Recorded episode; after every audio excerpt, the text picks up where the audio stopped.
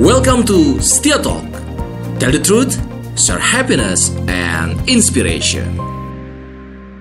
Bismillahirrahmanirrahim Assalamualaikum warahmatullahi wabarakatuh Apa kabar sahabat setia dimanapun anda berada Bertemu lagi dengan saya Setia Furkonholi di Setia Talks ya Dan hari ini saya ketemu sama orang yang luar biasa ya Seorang sahabat saya Saya udah lama banget kenal beliau Udah jalan-jalan ke Eropa bareng ya udah pernah tidur bareng maksudnya nginep bareng gitu ya jadi eh, tapi yang uniknya kita bukan cuma ngomongin orangnya nih tapi juga dia punya solusi buat anda para jombloers ya singlilah dimanapun berada yang ingin nikah mode best value gitu loh kalau orang milenial tuh kan senangnya yang best value dan nanti kita akan ceritain juga tentang apa aja sih sebenarnya pengalaman-pengalaman beliau untuk membantu orang-orang menikah ya jadi memang ada tagline-nya juga di beliau gitu ya kita langsung aja kenalan sama Kang Rizal Asyari Assalamualaikum Kang Waalaikumsalam. gimana kabarnya nih Kang Wabarakatuh. Alhamdulillah Kang Furkon, terima kasih sudah mengundang saya di sini. Iya itu anda lihat wajahnya Oh, di sana gitu? iya Kita kan ngobrol. Oh iya asik Takut orang nggak ngelihat wajah anda gitu ya Kang Rizal banyak orang mungkin yang belum tahu Belum kenal sama Kang Rizal Kalau saya sih udah kenal banget gitu ya Kang Rizal ini siapa Terus juga aktivitasnya apa Terus juga ah, udah nikah atau seperti apa Boleh Kang silakan Ya, eh, perkenalkan teman-teman penonton Setia Talks. Nama saya Muhammad Rijal Asyari, Siap dipanggil Rijal. Saya sehari-hari membantu para pasangan Membantu para pasangan ya untuk memudahkan mereka menikah Memudahkan mereka menikah dan membuat mereka itu eh, tidak banyak berkorban, tidak banyak biaya dan eh, apa jadi paketnya itu jadi murah tapi nggak murahan. Uh, Sehingga para jomblo ini tidak beralasan lagi bahwa nikah itu mahal. Wih, sevisi banget sama kita nih ya.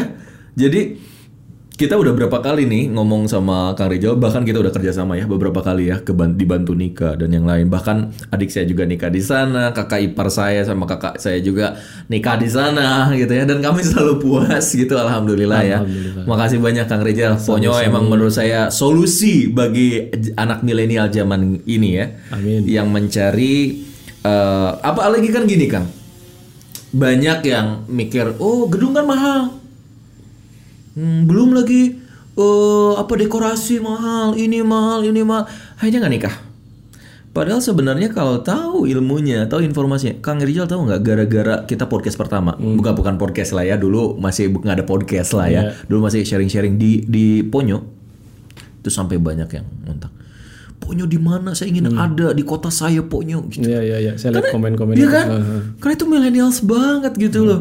Dan kita life hack banget gitu loh untuk para milenial dan mereka menginginkan Ponyo ada di mana-mana karena niat yang mulia dari Ponyo luar biasa ya. Mudah-mudahan Ponyo makin berkah nih Kang. Amin amin Kang. Kita kenalan dulu dengan Kang Rizal. Kang Rizal ini yang saya tahu eh sekarang sedang asik-asikan main-main eh, apa ya namanya itu motocross gitu ya. Anda ini sebenarnya siapa sih? Eh, siapa ya Kang? Siapa ya Anda ini? Dulunya gimana sih? Ah, Kang Rizal tuh gimana sih? Saya bener masih penasaran serius. Maksudnya saya tahu dulu gitu ya, dia tuh oh, rambutnya gondrong. Nyanyinya hardcore. Gaulnya luar biasa, main skateboard gitu loh. Tapi sekarang kayaknya 180 derajat berubah. Anda kalau boleh ceritakan tentang diri Anda sekilas saja lah, Pak.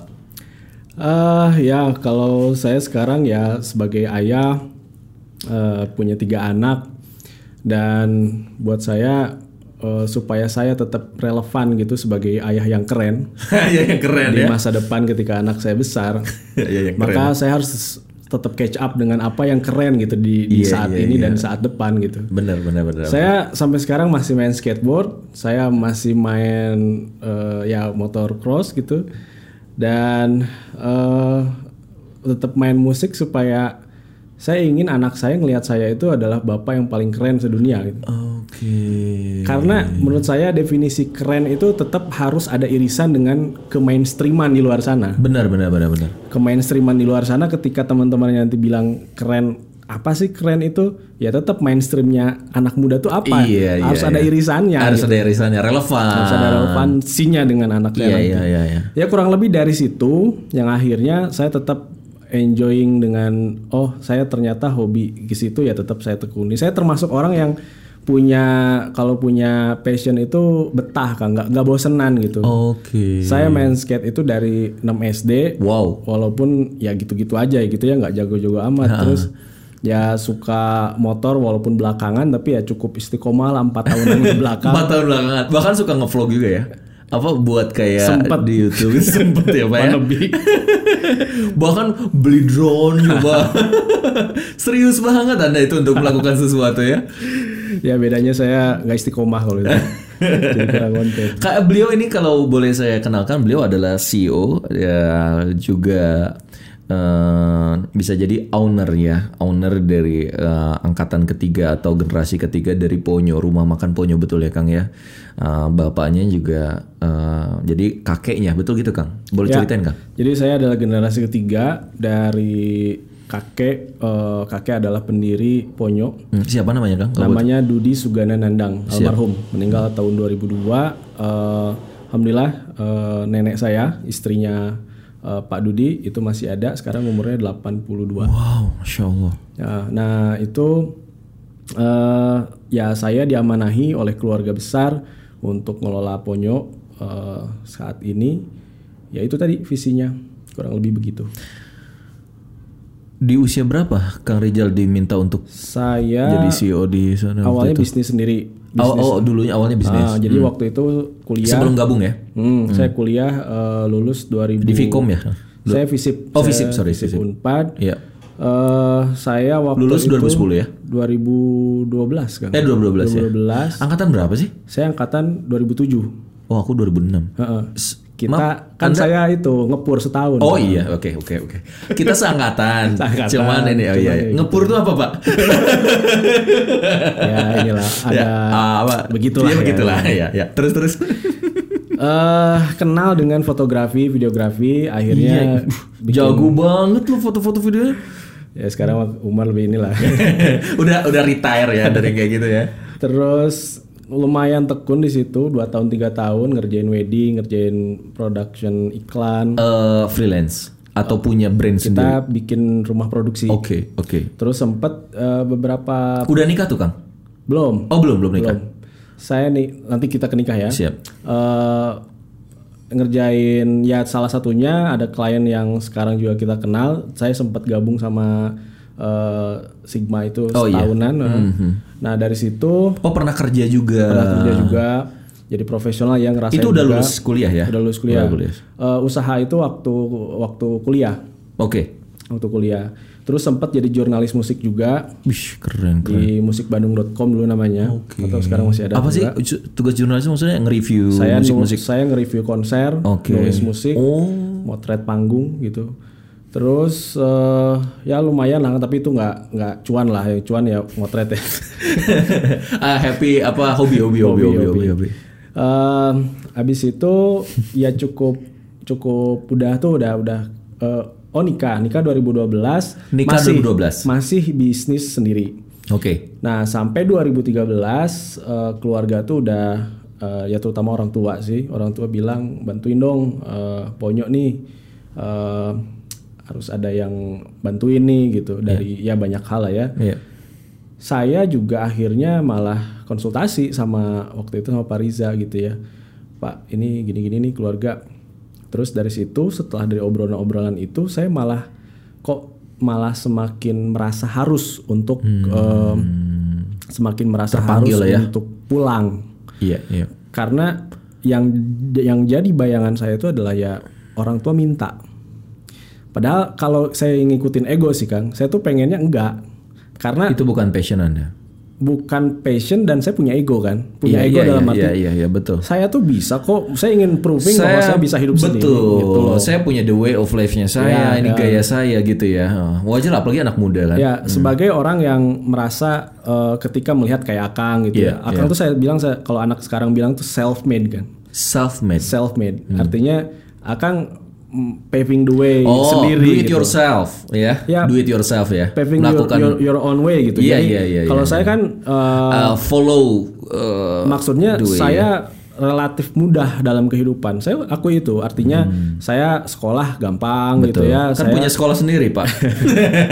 Walaupun nggak sekolah di situ ya. kehidupan ya d- kita sebagai Ada mayem aja lah ya. kelas menengah ya gitu-gitu. Maksudnya eh, mudah gitu. Eh, karena putra mahkota kan. Ya, enggak juga sih. Enggak juga kan. ya intinya dari dari hal itu saya malah ingin eh, saya punya passion sendiri dan Dan saya ingin buktikan bahwa saya bisa sukses gak harus dengan eh, bantuan bapak gitu kan maksudnya. ya, dan Bapak ibu ternyata- saya gitu ya. Dan ternyata setelah nikah pun saya kan bisa bisa eh, sendiri gitu. Betul, betul, betul. Tapi ya gitu karena orang tua minta terus konsultasi sana sini dari beberapa guru Justru ini malah wajib banget ya Kang untuk membantu ya. ini bisa jadi ya gitu saya Fardu kifayah jadi. ketika itu saya yang, Fardu yang kifayah. saya pikirin itu ini Kang ridho orang tua adalah ridho Allah gitu. Siap. Jadi kalau saya dapatnya ridho orang tua nih, ya berarti kan itu mempermudah saya dapat ridho Tuhan nih. Betul. Ya mudah-mudahan gitu. Ya udahlah, Bismillah. Dan setelah eh, melihat eh, maksudnya gabung gitu ya ke Ponyo, saya semakin melihat Ponyo itu adalah saya merasa oh ini memang harus jadi jadi jalan yang saya s- bener-bener dalam dan serius gitu. Oke. Karena- Dulunya mah ya udah aja nggak ada divisi hidup ya Kang. Ya karena itu udah jadi Ya udah sistem gitu ya udah aja udah udah jalan gitu kan. saya melihatnya gini kan karena ternyata ketika saya malah semakin masuk eh, ketika masa masa kecil saya saya kan ini punya tahun 72 Bush. saya lahir 88 72 Mas Bro, sebelum beliau ada ya artinya kan saya lahir 88 punya 72 berarti ketika saya kecil saya itu ada di tengah mereka juga Iya benar. nah ketika saya gabung di Ponyo saya melihat ada orang-orang yang ada di masa kecil saya yang dia itu begitu begitu setianya begitu eh, inginnya percayanya kepada kita untuk tetap berkarya di Ponyo Dan itu akhirnya ada sebuah dorongan kita untuk pasti di situ ya. pasti jadi akhirnya saya merasa eh, Terpanggil. terpanggil lebih dalam gitu untuk ini ini mereka ini percaya sama saya atau ya kita sebagai owner eh, kelu- keluarga terutama Iya. dan saya sebagai yang mewakili eh, apa eh, eh, apa yang membantu gitu di situ merasa ya itu adalah yang tidak boleh kita sia-siakan kepercayaan itu Benar. Tapi nggak nggak nggak banyak orang yang. Tapi kan kakang tuh kan dulunya boleh nggak aku flashback balik ke belakang gitu loh, yang katanya tuh main inilah main itulah di titik mana kamu akhirnya bilang bahwa ya aku harus taat sama orang tua. Saya mau justru mau nanyain eh, s- terakhir sih sebenarnya tentang titik hijrahnya Kang di titik mana kan gini loh biasanya ada yang bilang generasi pertama membangun generasi kedua menikmati generasi ketiga ngabisin Hmm. tapi kok ini beda justru generasi ketiga dia yang nge-up gitu loh nggak semua orang tuh jadi akang makanya ya salut banget gitu itu titik mana dulu akang hijrah karena dulunya benar gak sih yang aku bilang tadi saya sih merasa saya nggak ekstrim oh nggak ekstrim banget ya ngaco ke- kemudian ke ekstrim benar gitu kan. oh enggak Saya melihat saya begitu ya. Maksudnya makanya kan aku confirm eh, eh, aku jadi nanya jadi yang saya rasain Iya. eh, saya itu cukup berlika-liku gitu. Sempet jadi waktu saya kan pesantren kan. oke Dan pesantren itu keinginan saya sendiri. oh ya Iya, itu ketika Waktu SMA? lulus SMP kan. Ya maksudnya masuk masuk SMA kan. oke oke oke Masuk SMA SMP di mana? SMP di SMP S- negeri. Negeri, oke. Di Bandung. SD negeri.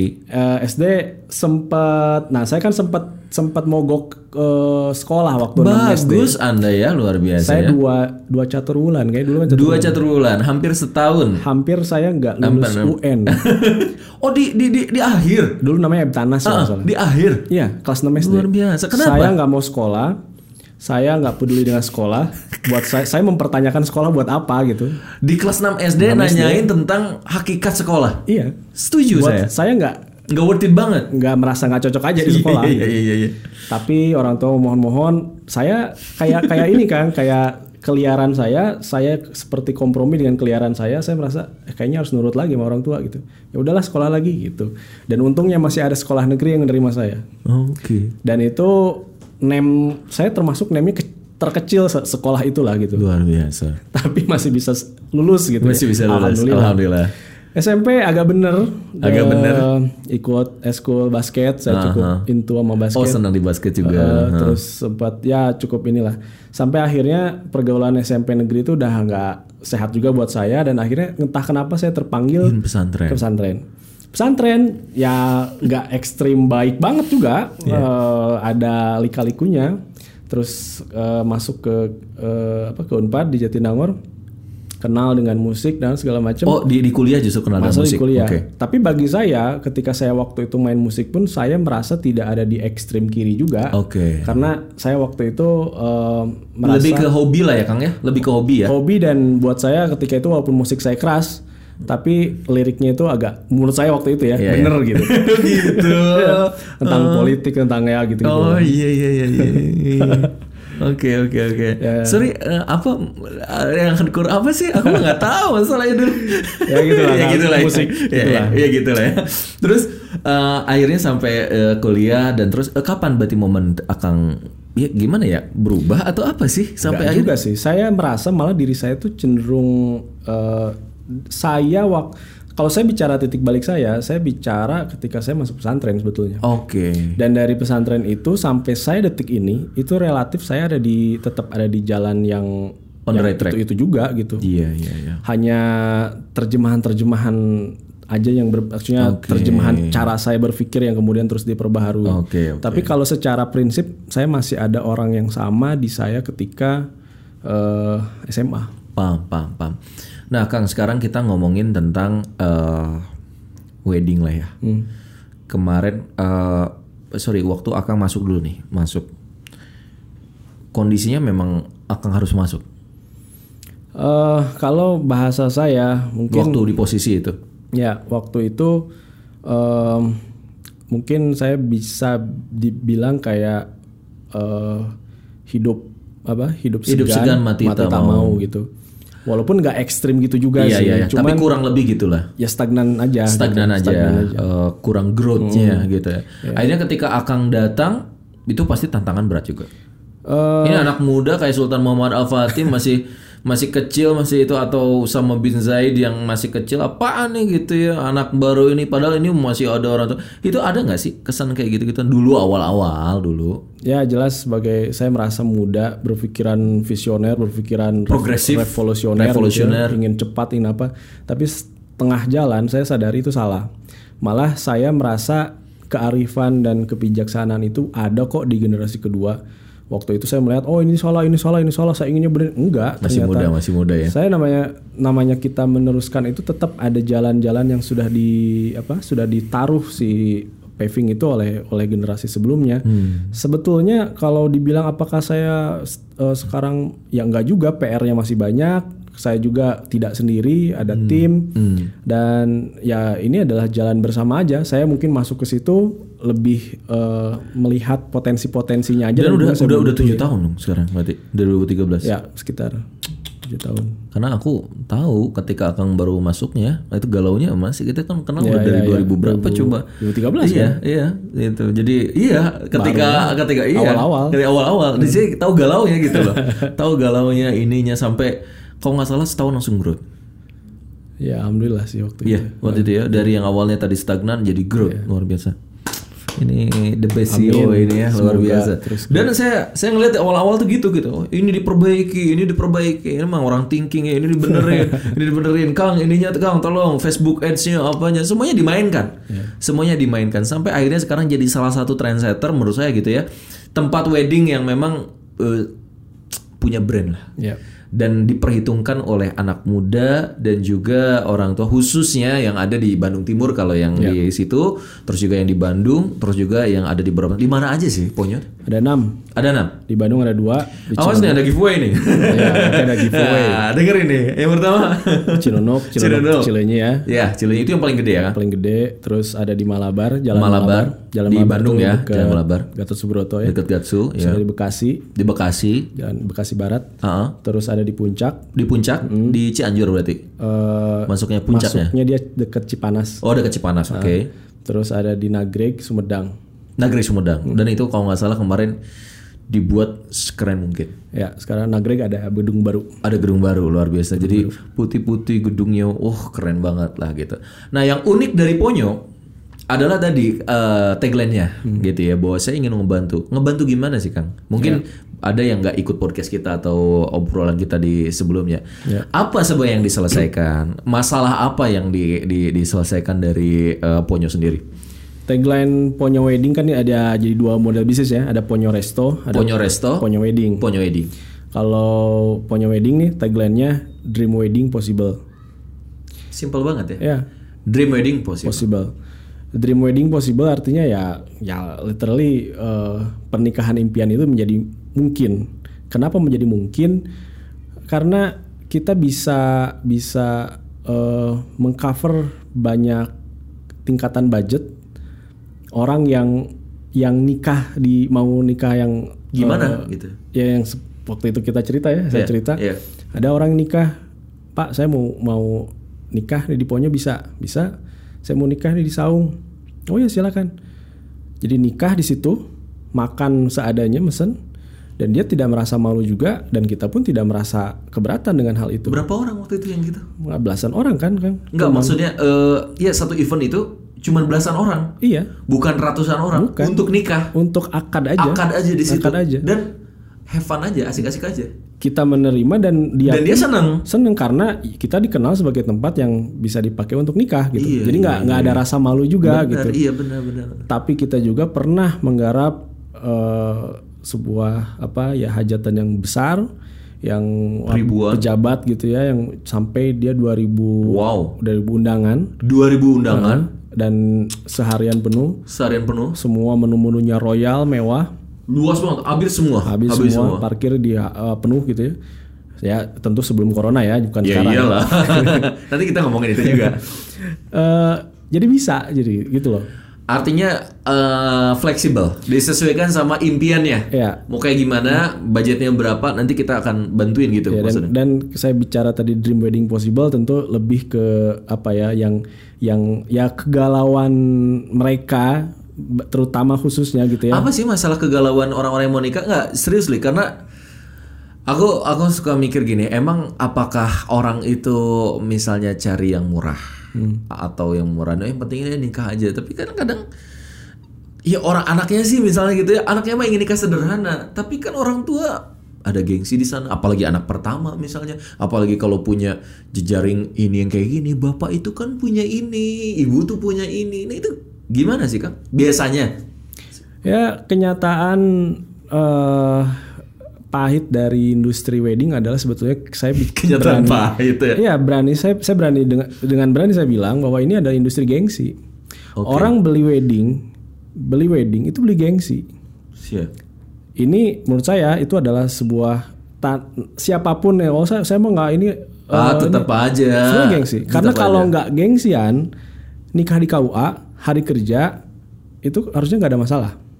Iya, Ya tapi jarang orang melakukan itu. Tapi kan orang takut diomongin, ih kamu Lebih takut diomongin. ini ini ya apa kecelakaan ya atau Oke. Ah. kenapa sih buru-buru amat kayak dikejar apa gitu kan telat ya ah, udah macem-macem lah Hmm. sehingga keumuman itu adalah menjadi definisi dari gengsi itu Oke. kita takut kalau nggak pakai adat kita takut kalau nggak ada sawer kalau nggak apa siraman saya nggak bilang itu semua salah ya Iya. tapi kalau mau didefinisikan sebetulnya itu semua bicara gengsi. Nah, kita dan ya terutama kalau saya dulu saya termasuk yang ya ini juga sebetulnya keresahan saya sendiri ketika saya dulu mau Keresahan, nikah. Ya, munculnya kan juga dari situ ya. Saya punya keresahan ketika saya mau nikah eh saya minta ke mertua saya untuk udahlah Pak, ini nggak perlu ada musik, nggak perlu ada adat-adat ini, eh, nggak perlu ada kan ada kalau kan istri saya kebetulan orang Jawa ya. Jawa, Jawa. Jadi ada banyak tuh di Jawa juga kayak Iya. Sunda sebetulnya. ya. Hmm. Terus eh, n- apa undang aja yang kerabat terdekat gitu ya, nggak perlu banyak-banyak eh, akad selesai. Tapi apa responnya? Ya, Marah. Nggak bisa Nggak gitu. mau. Ya nggak mau gitu karena Gengsi kembali. per- responnya adalah nanti apa kata orang. ah, gitu Iya, nanti apa kata orang bener. Karena menurut saya kita bicara nikah itu seremonia seremonial satu hari aja kan. Iya. Ya akadnya iya penting, ijab kabulnya itu misakon gol itu ya. Iya. Tapi kalau kita bicara buat apa kita sibuk sangat penuh-penuh apa ya eh, Keseriusan. keseriusan hanya menyiapkan seremoninya kan Iya. yang harus kita siapkan lebih penting mah Akang juga sering bilang di Betul. konten Akang setelah Setelah ribuan hari setelah pernikahan. Iya. jam kobulnya ngapain gitu. Hmm. Jadi saya berpikir itu juga ketika saya Iya. nikah kan buat apa Tapi ya? nggak di ACC pak. Ya begitu. Karena ya tadi ya. Iya apa gengsi kata itu orang. tadi. Memang harus. Tapi ya. saya juga berpikir sih kalau Iya. saya jadi Dia beliau juga beliau juga. Ya pasti mikirnya gitu iya, juga. setidaknya kita nih nggak nggak Nggak malu-maluin lah. nggak malu-maluin teuing. Iya. Dan kemudian saya berpikirnya dari sudut pandang oh iya kita juga menjamu, Memuliakan tamu. memuliakan tamu. Betul. Mungkin kalau ingin ke arah situ ya niatnya itu bukan Betul. Bukan Kan bicara gengsi. mewah, ya. gengsi, gitu bukan ya. bicara gengsi. Nah kalau dari situ itu akan mudah ngukurnya gitu, Hmm. nggak jadi apa minjem duit lah, Paham, benar, nggak benar. jadi maksain. Iya Kang, karena banyak yang terjadi sebenarnya cowok-cowok nggak mau nikah, nggak siap nikah atau nggak mau nikah tuh karena ya itu tadi ujung-ujungnya pada resepsi Hmm. atau mahar, mahar mah gampang lah ya, Iya. yang biasanya masih ke- kejar tapi biar resepsi itu katanya mahal banget sampai ratusan juta konon Hmm. kabarnya ya kan saya nggak tahu ya Ya. ada nggak sih solusi buat anak muda gitu ya yang ingin nikah apalagi saat pandemi gitu kan Eh, ada gimana sih supaya menyiasati Hmm. agar eh, budgetingnya bisa oke lah oke lah oke lah dan mungkin juga solusi dari Ponyo gitu untuk menyelesaikan masalah ini Ya sebetulnya kita bicara bermewah-mewah atau kita tadi saya bicara gengsi pun itu sangat relatif kan pada akhirnya. setuju Saya punya uang dingin misalnya satu triliun, iya ya nikah saya ngabisin satu Satu miliar, miliar, mah. aduh. Ya.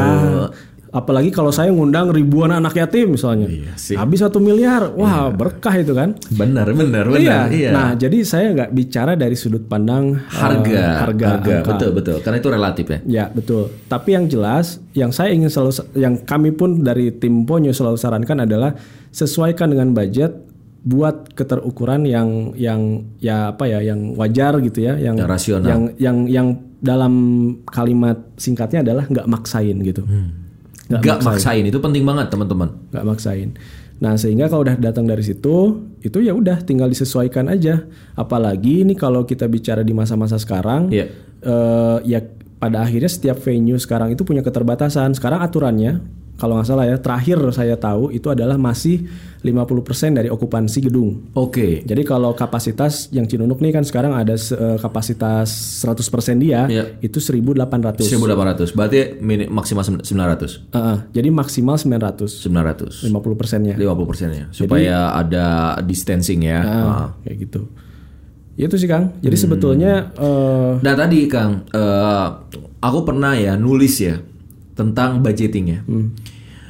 Gedung, gedung aja Mas Bro itu bisa sampai habis ke- ada ya di tempat di Bandung ya 60 juta baru gedung belum sound system belum dekorasi nggak tahu ya dekorasi udah belum ya aku nggak tahu kayaknya belum deh belum lagi ini belum lagi ini belum lagi ini akhirnya orang pada mikir dua kali untuk nikah kan ya Padahal nikah itu kan ibadah, harusnya dipermudah gitu loh. ya Dan akhirnya juga nauzubnalik banyak yang maksain, banyak yang ini jual sawah lah, jual ini mending kalau gimana kalau hutang. Akhirnya nih, kalau saya suka bilang nikah dengan minus. Bukan dimulai dari nol ya, enggak, dimulai dari minus ya gitu ya. Justru udah nikah jadi malah cekcok.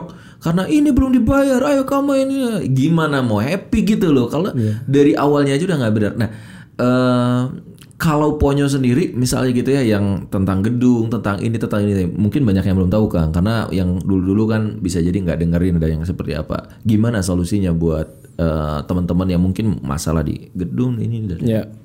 Jadi kenapa itu pun awal mulanya kita menyadari bahwa Ponyo bisa jadi solusi adalah karena tempat kita ini luas pertama tempatnya luas ya. dan itu tempat kita semua dimiliki sendiri. Oke, berarti udah nggak ada masalah dengan Kita kan tempat utang apa apa gitu ya. nggak ada yang Udah sewa. dimiliki gitu ya Hmm. udah di sini. udah milik sendiri itu semua tempat Ponyo itu.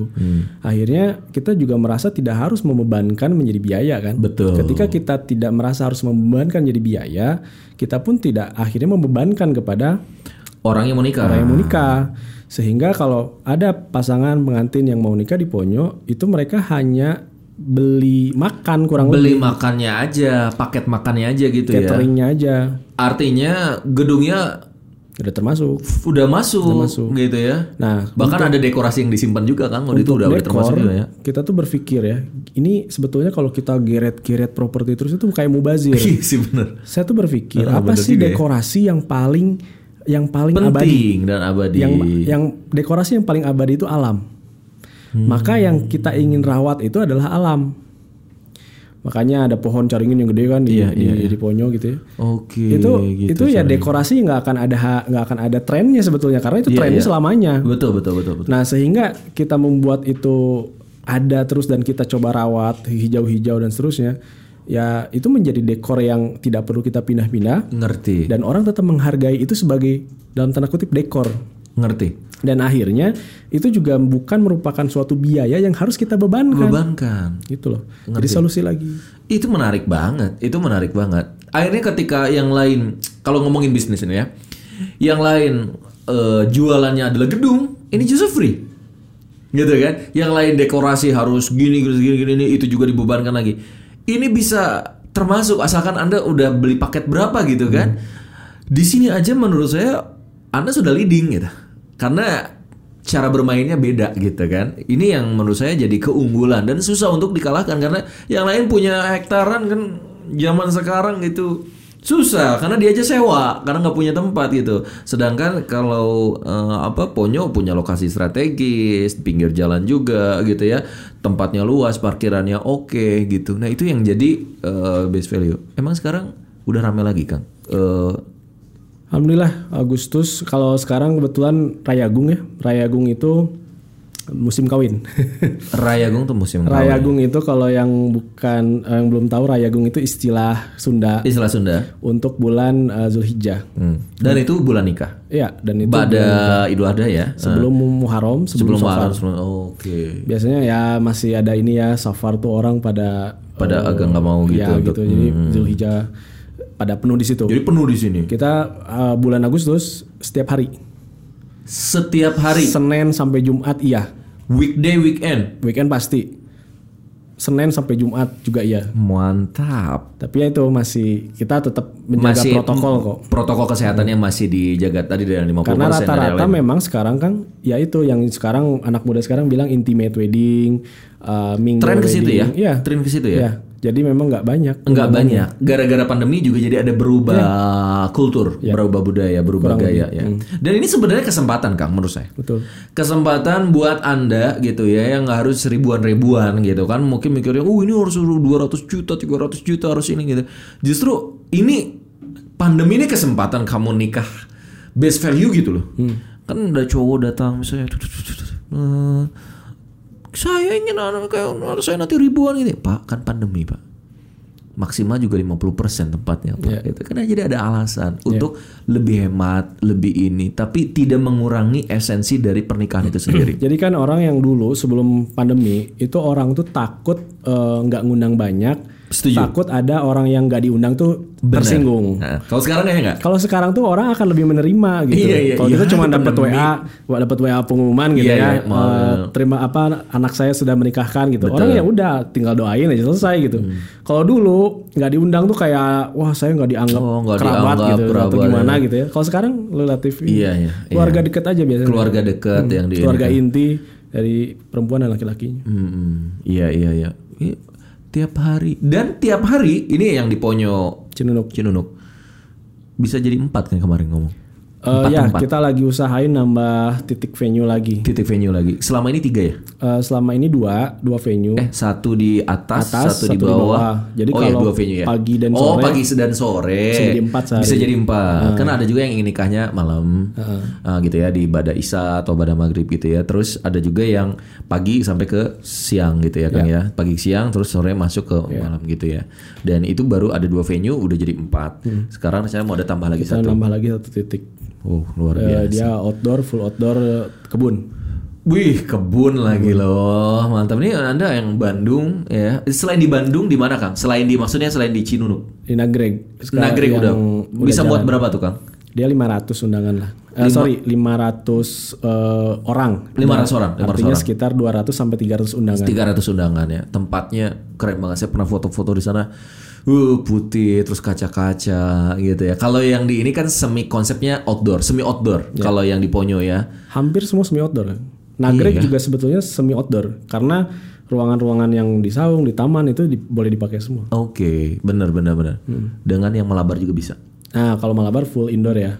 Eh, Dan itu bisa tapi kan? itu maksimal berapa orang? Tahu ada yang di Bandung Tengah juga Di sana 300 orang. 300 orang. Karena kemarin kita juga ngadain 100 orang ya Kang ya yang bantu nikah, masya Allah kebantu banget. Dan itu awal-awal mau mulai lagi tuh, mau mulai lagi wedding ya. Alhamdulillah eh, mulai lagi 100 orang, inginnya sih 200 apa sih bilang, aduh masih takut nih gitu. Tapi alhamdulillah akhirnya 100 cuman intim keluarga aja, keluarga inti eh, dan beberapa keluarga yang lain alhamdulillah berkah juga gitu ya Kang. Kang, ngomongin tentang wedding nih ada solusi nggak buat teman-teman atau mungkin juga pengalaman akang gitu ketika orang datang sebenarnya siapa sih yang menentukan ibu bapak anak atau mertua atau menantu itu biasanya gimana karena banyak juga yang ngebleng ya kang Iya. nikah kayak gimana terus kayak gimana terus siapa sih penentu sebenarnya dan kayak gimana gimana itu boleh ini kang Yang tinggal buka nih kita lihat sih ya sebagai orang yang maksudnya sebagai pihak yang sering eh, menerima ya klien pasangan gitu rata-rata yang datang itu ibu dan anak perempuan ibu dengan anak perempuan Mm. dan itu menjadi ya keputusan pembelian yang paling ini ya menentukan oke keluarga perempuan ya entah eh, mungkin itu culture kali ya di Iya, iya, Sunda dan di Jawa eh, Betul. Bapaknya kan sibuk, pokoknya bapak mau uangnya aja, ibu gimana nggak ini, ini gitu. ya. Dan anak suka nggak gitu kan? yang jadi yang pemangku hajat tuh keluarga perempuan gitu Betul, betul, betul. Hmm. Terus kalau ada nggak, eh, saya cerita cerita lah, misalnya, yang unik unik lah.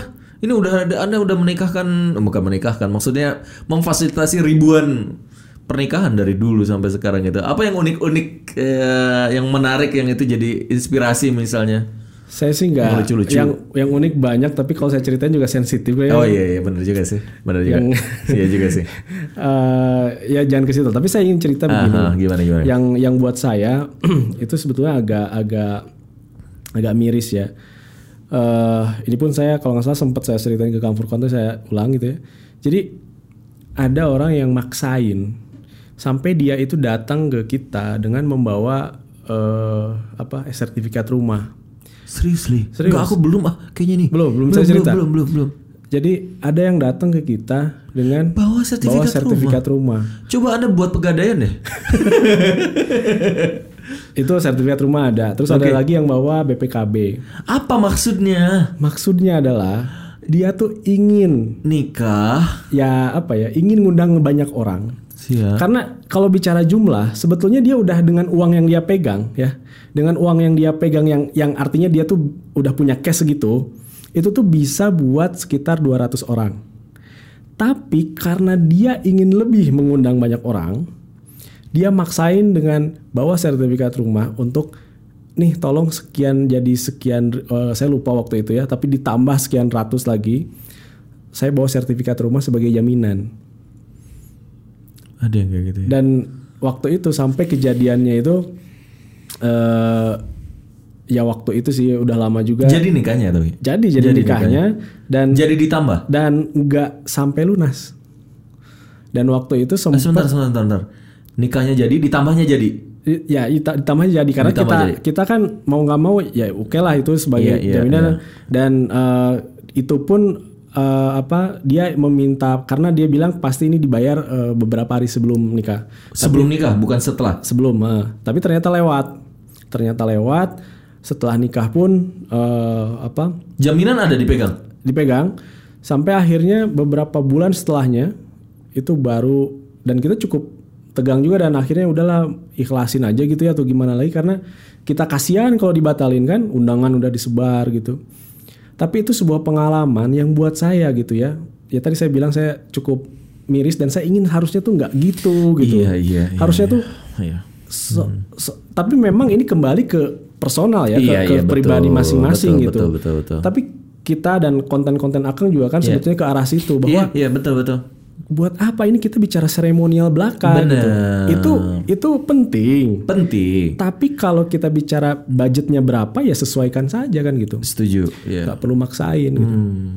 Itu menurut saya ya itu yang menjadi saya terus berpikir gimana ini harus semakin jadi solusi, Iya. semakin jadi solusi buat yang budget berapapun tuh bisa Dan masuk. memang harus eh, mengedukasi pasar ya Kang ya. Artinya ya dengan konten-konten kita kayak gini tuh kan banyak orang yang nikah tapi ngebleng banyak ya kan nikah juga nggak ada pengalaman anda Iya, gitu kan betul. Iya, hmm. cowok misalnya berapa sih kang gitu kan atau cewek misalnya emang aku harus ada tabungan nikah gitu kang untuk ini ya anda harus pahami bahwa nikah itu eh, kebanyakan para orang tua apa gitu ya tadi gengsi Hmm. jadi artinya eh, ingin nikahin tapi harus di sini harus di sini harus di sini gitu ya kang kalau di Ponyo misalnya ya biar tahu aja teman-teman misalnya boleh nggak ngomongin paket atau juga eh, minimal berapa atau seperti apa supaya itu jadi solusi ya minimal mereka ada gambaran lah gitu kan supaya ini ini Ya. kan. Jadi kalau kita bicara kerabat terdekat setidaknya ada 100 orang.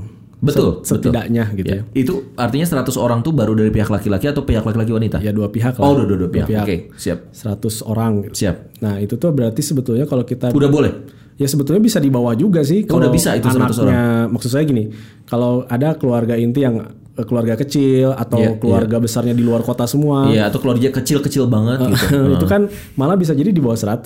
Iya. Tapi kita anggaplah 100. anggap 100 Anggap 100. Kita paling minimal paket itu sekarang 80.000 per 80 pax. ribu per pax Kalau 80.000 kali 100 8 juta itu udah nikah. Udah ada dekornya walaupun standar Iya. ya, bukan yang wah gitu. hei denger ini udah bisa nikah 8 juta bro Udah bisa ngejamu tamu lah intinya gitu. iya ini 100 orang kemarin 100 orang kan 100 orang. intim, enak, asik gitu loh. Maksudnya nggak ada alasan harus punya 100 juta gitu lah dengan memaksakan ini. Ya kalau Anda punya 100 juta atau 200 juta ya alhamdulillah gitu loh. Tapi kalau cuman mampunya segitu jangan sampai jadi alasan "Ah, aku nggak punya 50 juta, 60 juta. Bisa juga ya dia akan diterima ya. Betul. Tuh, denger ini. Malah saya beberapa kali ya Kang ya, dan ini yang saya syukuri juga, Hmm. yang saya syukuri. Yang nikah di Ponyo itu, itu rata-rata juga bukan yang pas-pasan banget loh. Jadi maksud saya banyak yang ketika saya lihat para pengantin ya akun Iya, IG-nya iya, gitu ya, itu banyak yang sebetulnya saya pikir dia itu sebetulnya mampu, loh di Mampu gedung, tuh lebih dari itu gedung mampu di ya. gedung yang lebih mahal. Lebih mahal. Tapi karena ya tadi se- sudah sepemikiran sadar bahwa aduh jangan ngabisin deh Iya. untuk gedung yang cuman ini mendingan budget gedungnya untuk pack lah untuk makan gitu ya kan Betul, ini solusi ponyo benar benar benar Iya, ya itu sebuah eh, yang saya syukuri lah. Jadi banyak semakin banyak orang yang eh, memiliki kepahaman yang sama gitu dengan Iya. ya nikah seremonial hmm. penting tapi tidak harus dipaksakan. Iya, iya, iya. Dan sekarang tren udah menuju ke situ juga ya, Kang ya. Udah menuju ke situ. Wow, luar biasa ini Ponyo jadi eh, menurut saya dan jujur ya, saya bukan karena Kang Rizal ada. Saya tuh orangnya pengagum Ponyo dari dulu. Aku paling suka banget sama kan ini ngomongin kalau tadi wedding, restonya nih. Saya paling suka sama eh ini eh, buntut goreng. Ya. Pasti kalau ke sana buntut goreng dan jus cenghar. Ke- Kalau ayam saya masih biasa. Kalau menurut saya karena setiap orang ada yang bilang, aduh ayamnya banget itu nggak nih. Kalau saya selalu kalau itu tuh udah langsung nggak nggak nggak usah ini ini. buntut goreng sama ini pokoknya ini dan s- saya selalu lihat tidak mengecewakan, selalu enak dan ngangenin gitu ya. Jadi buat teman-teman juga boleh nanti silahkan datang ke Ponyo gitu ya cobain dulu lah gitu kalau ngomongin wedding belum ya sambil makan-makan sambil kamu ngobrol kalau nggak ada Kang Rijalnya saya biasanya kemarin juga waktu nikah eh, adik nikahan gitu ya ada timnya beliau ya orangnya juga hangat gitu kan ngomongin tentang "Ah, gimana Kang Teh nanti kita coba-coba dulu aduh ada coba-coba juga nih gitu kan asik jadi kita jangan beli kucing dalam karung gitu loh cobain dulu tes food dulu gitu ya kalau ngomongnya tes food dulu gitu ya Eh, gimana ini suka apa akhirnya kita jadi ada keyakinan gitu dan menurut saya sangat meringankan banget Kang ini solusi banget gitu alhamdulillah waktu kemarin nikahin adik gitu ya eh, nggak ada yang mencoba bahkan banyak bilang "Ih, keren banget bagus banget ini itu satu kebanggaan tersendiri dan ayah saya udah langsung ngomong gitu ayah ibu saya udah ponyok jadi belum punya jodohnya aja udah bilang, udah ponyok katanya gitu iya iya iya Ya itu kan? kan. ada ada ini menarik saya jadi Ah. inget ada seorang orang tua gitu punya empat anak Nah, empat empatnya di Ponyo.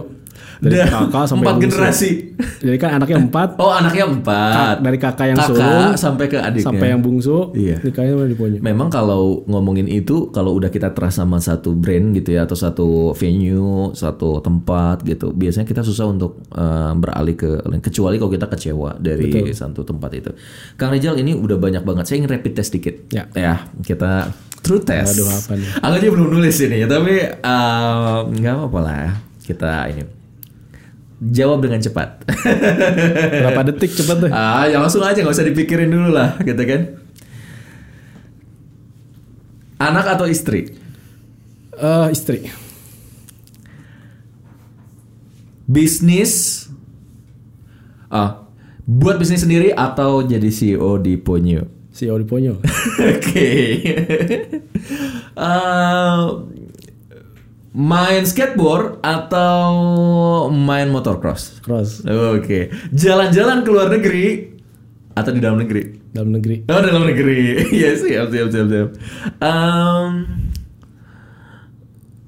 nyanyi atau buat musik?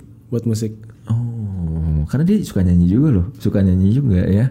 Banyak yang mau apresiasi juga.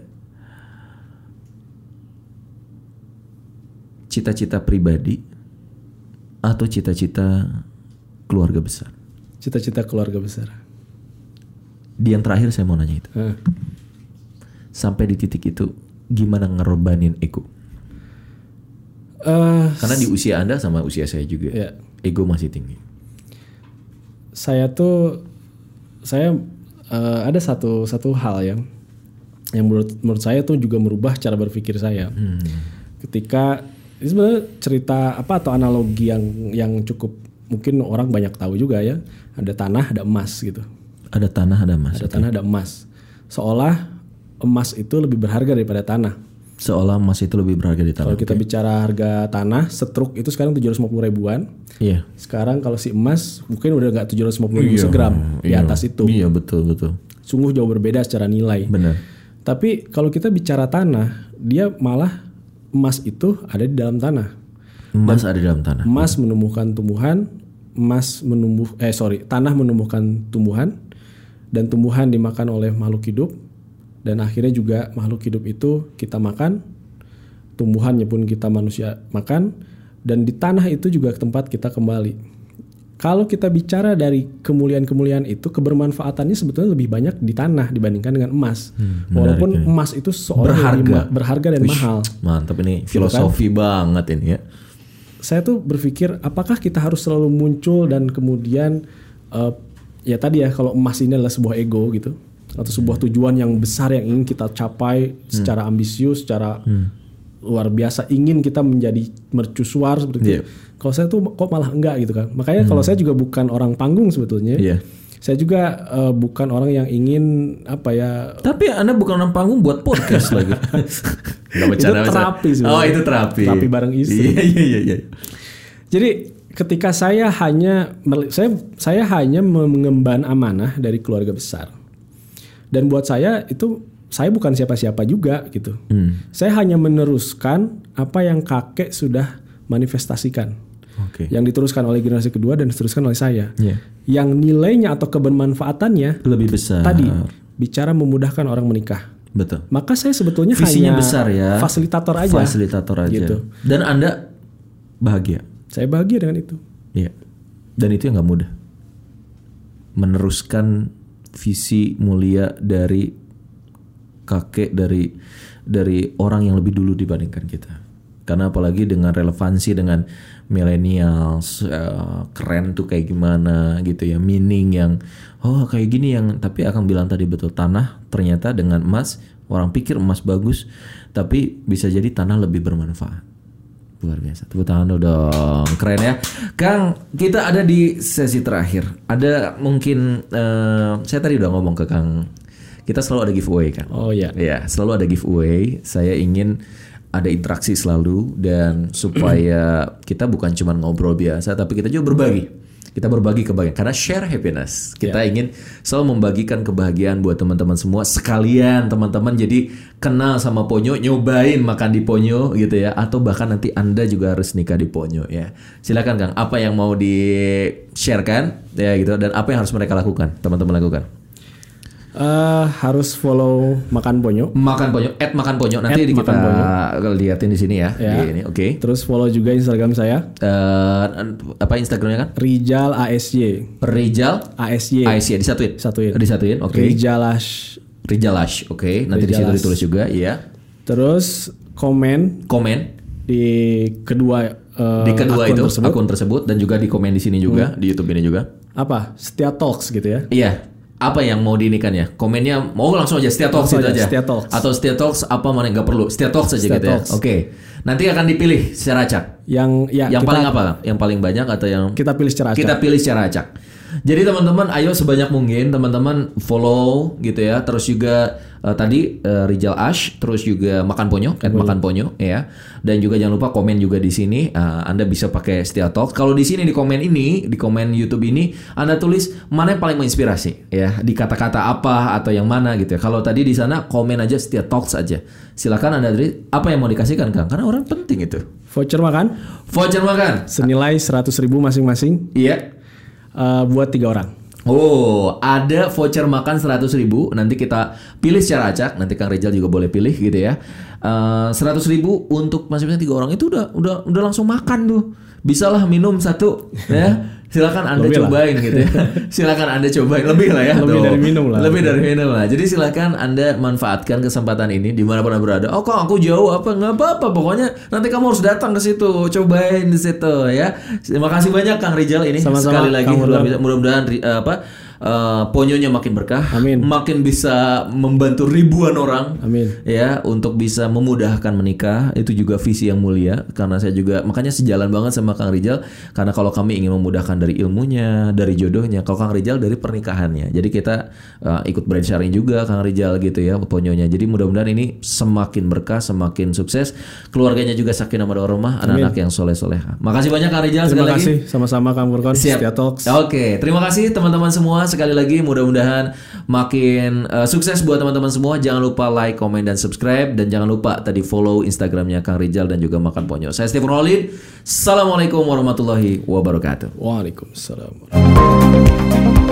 Setia Tell the truth, share happiness and inspiration.